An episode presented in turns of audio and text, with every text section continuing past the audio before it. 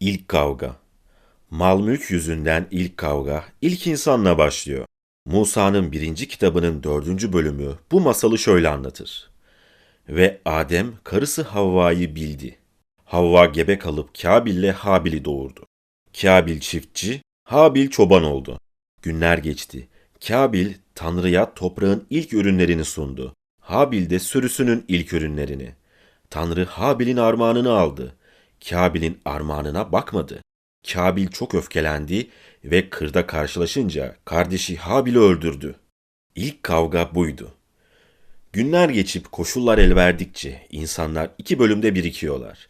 Ezenler ve ezilenler. Kavga bunlar arasında olmaktadır. Nitekim ilk büyük kavgalara da ezenlerle ezilenlerin en çok sivrildikleri Roma İmparatorluğu'nda rastlıyoruz. Bu kavgalardan ilki Lucius Sergius Catilina'nın yönettiği kavgadır.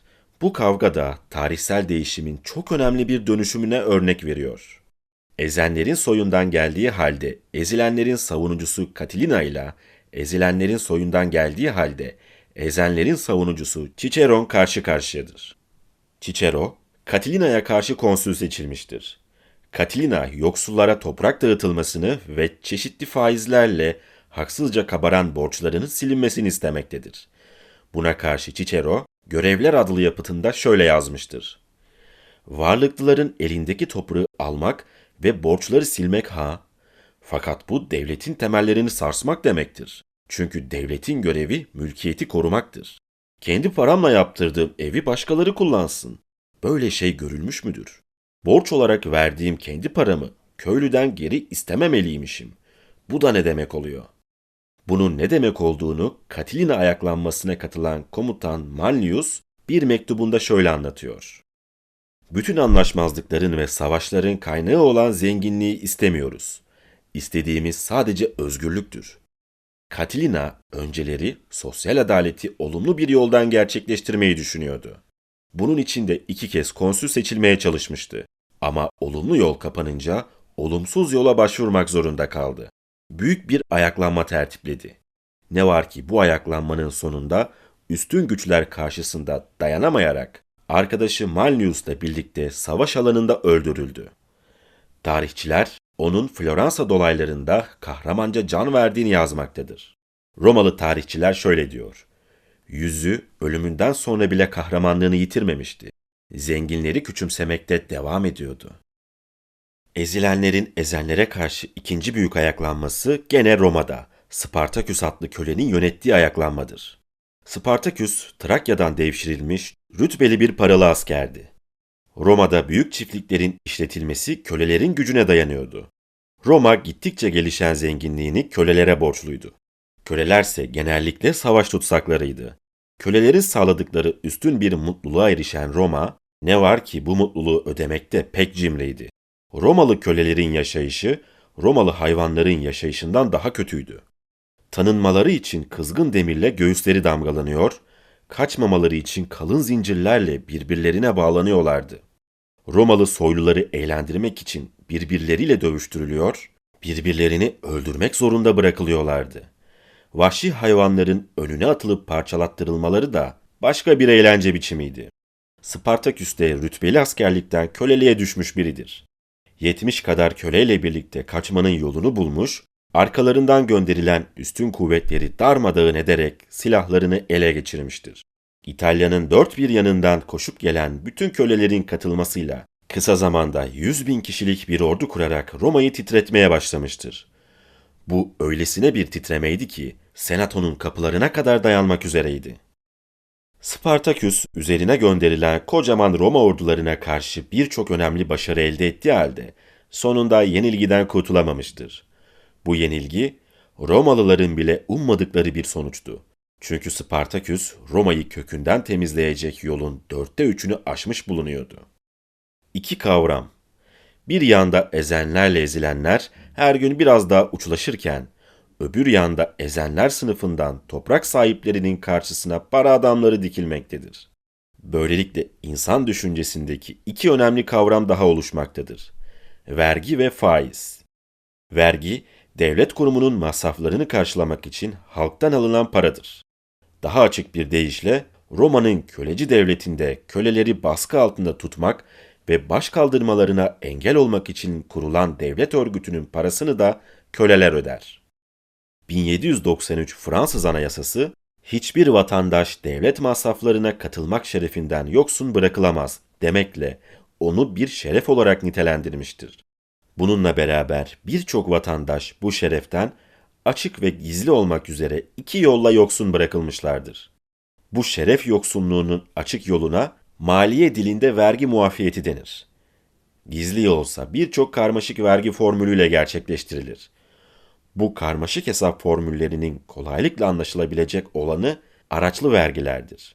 Örneğin bir ölçek tuz alırken Romalı konsülle Romalı köle aynı vergiyi öder. Gerçekte her ikisinin de tuz ihtiyacı aynı niceliktedir. Daha açık bir deyişle bir varlıklı parasını çok olduğundan ötürü daha çok tuz yiyemez. Bu vergiyi ödeyen konsülün varlığından hiçbir şey eksilmez. Ama köle belki de bütün varlığını harcamış olur. Vergiyi ödeyen konsülle köledir. Ama vergi tuzdan alınıyormuş gibi görünür. Her şey bir vergi konusudur. Bir zamanlar İngiltere Başbakanı yeni kurulan laboratuvarları gezerken elektrik ne işe yarar diye sormuş. Görevli de devletin vergi almasına yarar efendim demiş. İşte baş kaldıran kölelerin azaltılmasını istediği vergi bu vergidir. Şöyle düşünün. Milyar dolarları olan bir iş adamı da aynı kahveye aynı vergiyi ödüyor, asgari ücretle çalışan bir işçi de. İşte bu adaletsizliktir. Faiz ise kiralanan paranın kira bedelidir. Borç para verenle borç para alan arasındaki anlaşmadan ya da yasalardan doğar. Büyük dinler paranın gittikçe artan gücüne karşı toprak sahipleri sınıfını korumak için faizi yasaklamışlardır. Çünkü büyük dinlerin meydana çıktıkları çağlarda egemen sınıf köleci endişeyle toprak sahipleri sınıfıydı. Toprak sahipleri ise topraklarını işletebilmek için daima borç para almak durumundaydılar. Aldıkları borç paraya karşı faiz ödemek istemiyorlar, kendilerine borç verenlerin erdemli olmakla yetinmeleri gerektiğini ileri sürüyorlardı. Tanrı adına bunun da çaresi bulunmuş ve faiz bütün büyük dinlerce yasaklanmıştır.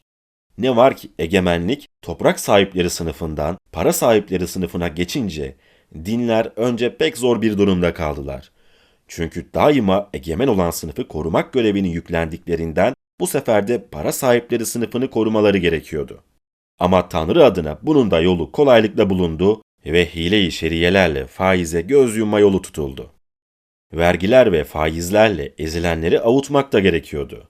Metafiziğin güçlü kurumları bu avutma görevini yerine getirebilmek için tarihsel süreçte durmadan değişiyor, yeni çareler arıyor, yeni biçimlere dönüşüyorlardı. Görüldüğü gibi din kurumu her zaman ve her yerde güçlülerin yanındaydı. Bu dünyadan umutlarını kesmiş bulunan ezilmişler, onun öbür dünya vaatlerine dört elle sarılmışlardır. Ne var ki bu oyalanmada yetmiyor, ara sıra canları boğazlarına gelip baş kaldırıyorlar. Oyalanmanın bir başka yolu dinleri çeşitlendirip bu çeşitli dinleri de küçük ayrıntılarla çeşitli mezheplere ayırarak ezilmişleri birbirine saldırtmaktır. İsa'dan sonra 3. yüzyılda İran'da akıllı bir adam yaşadı. Bu adam bütün dinlerin aynı kaynaktan olduğunu, değmez ayrıntılar yüzünden bunca yıldır insanların boş yere birbirleriyle boğuştuklarını görerek bütün dinleri tek bir dinde toplamaya, bir çeşit dinler bireşimi, sentezi yapmaya kalktı. Bu akıllı adamın adı Mani'dir. Bu büyük İranlının kurduğu dinin adı Maniliktir. Manilik dünyanın dört bucağına hızla yayılmış, Avrupa'nın çeşitli yerlerine bile sokulmuştur. Ermiş Agustinius bile bir ara bu dini benimsemiştir. Manilik, dinlerin birleşimini yaparak dinler arasındaki kavgayı kaldırmak amacını güdüyordu. Zerdüşt rahipleri İsa'dan sonra 276 yılında Mani'yi yakalayarak derisini yüzüp astılar. Oysa Manilik akımını önleyemediler. Bu akım için için kaynayarak yüzyıllar boyunca yaşadı ve günümüze dek geldi. Maniliğin temelinde hemen her dinden akıl ölçüsüne uyularak yapılmış bir parça vardır. Dinin ana kuralı iyilikle kötülük karşıtlığına dayanmaktadır. İyilik ışık ve ruhtur. Kötülük de karanlık ve bedendir. Evren bir iyilikle kötülük karışımıdır. Evrenin bir parçası olan insan da öyledir. Ruh ve bedenden iyilikle kötülükten yapılmıştır. bedenin içine hapsedilip acı çeken ruhları kurtarmak gerekir. Bütün ruhlar arınarak maddeden kurtulup gerçek yerlerine yani ışık göğüne çıktıkları zaman dünyanın sonu gelecektir. Mani İsa'dan da yararlanmış, İsa'nın kendisini müjdelediğini, sözünü ettiğini, kutsal ruhun kendisi olduğunu ileri sürmüştür. Mani bütün dinlerin güneş ışık gücü temeline dayandığını görmüş, dinin bütün dualarını bize ışık gönderen güneşe ve aya yöneltmiştir. Oruç tutmak, bir arada yemek yemek gibi çoğu dindeki ortak biçimlere de önem vermiştir. İnsanların kendilerini bağlayan ve zora sakan biçimlerden ne kadar hoşlandıklarını biliyordu. Hristiyanlara Aziz Paulus'un yazdıklarına aldırmamalarını söyleyerek gerçek İsa'nın bir ışık habercisi olduğunu, bu ışığın da manilik diniyle gerçekleştiğini bildiriyordu. İyi bir mani olabilmek için her türlü tutkudan ve yalancılıktan sakınarak yaşamak yetecekti. İyiliğin ilkeleri, tutkularını yenmesini bilmekle doğru sözlü olmaktı. İnsanlardan istediği, yaşadıkları sürece bu kadarcık bir çaba gösterebilmeleriydi. Bu çabayı gösterebilenler arınmış, kurtulmuş, erdemli ruhlar olacaktı. Daha fazla içeriye ulaşabilmek için kanalıma abone olabilir, beni denizin ötesinde Instagram hesabından takip edebilirsiniz. İyi seyirler.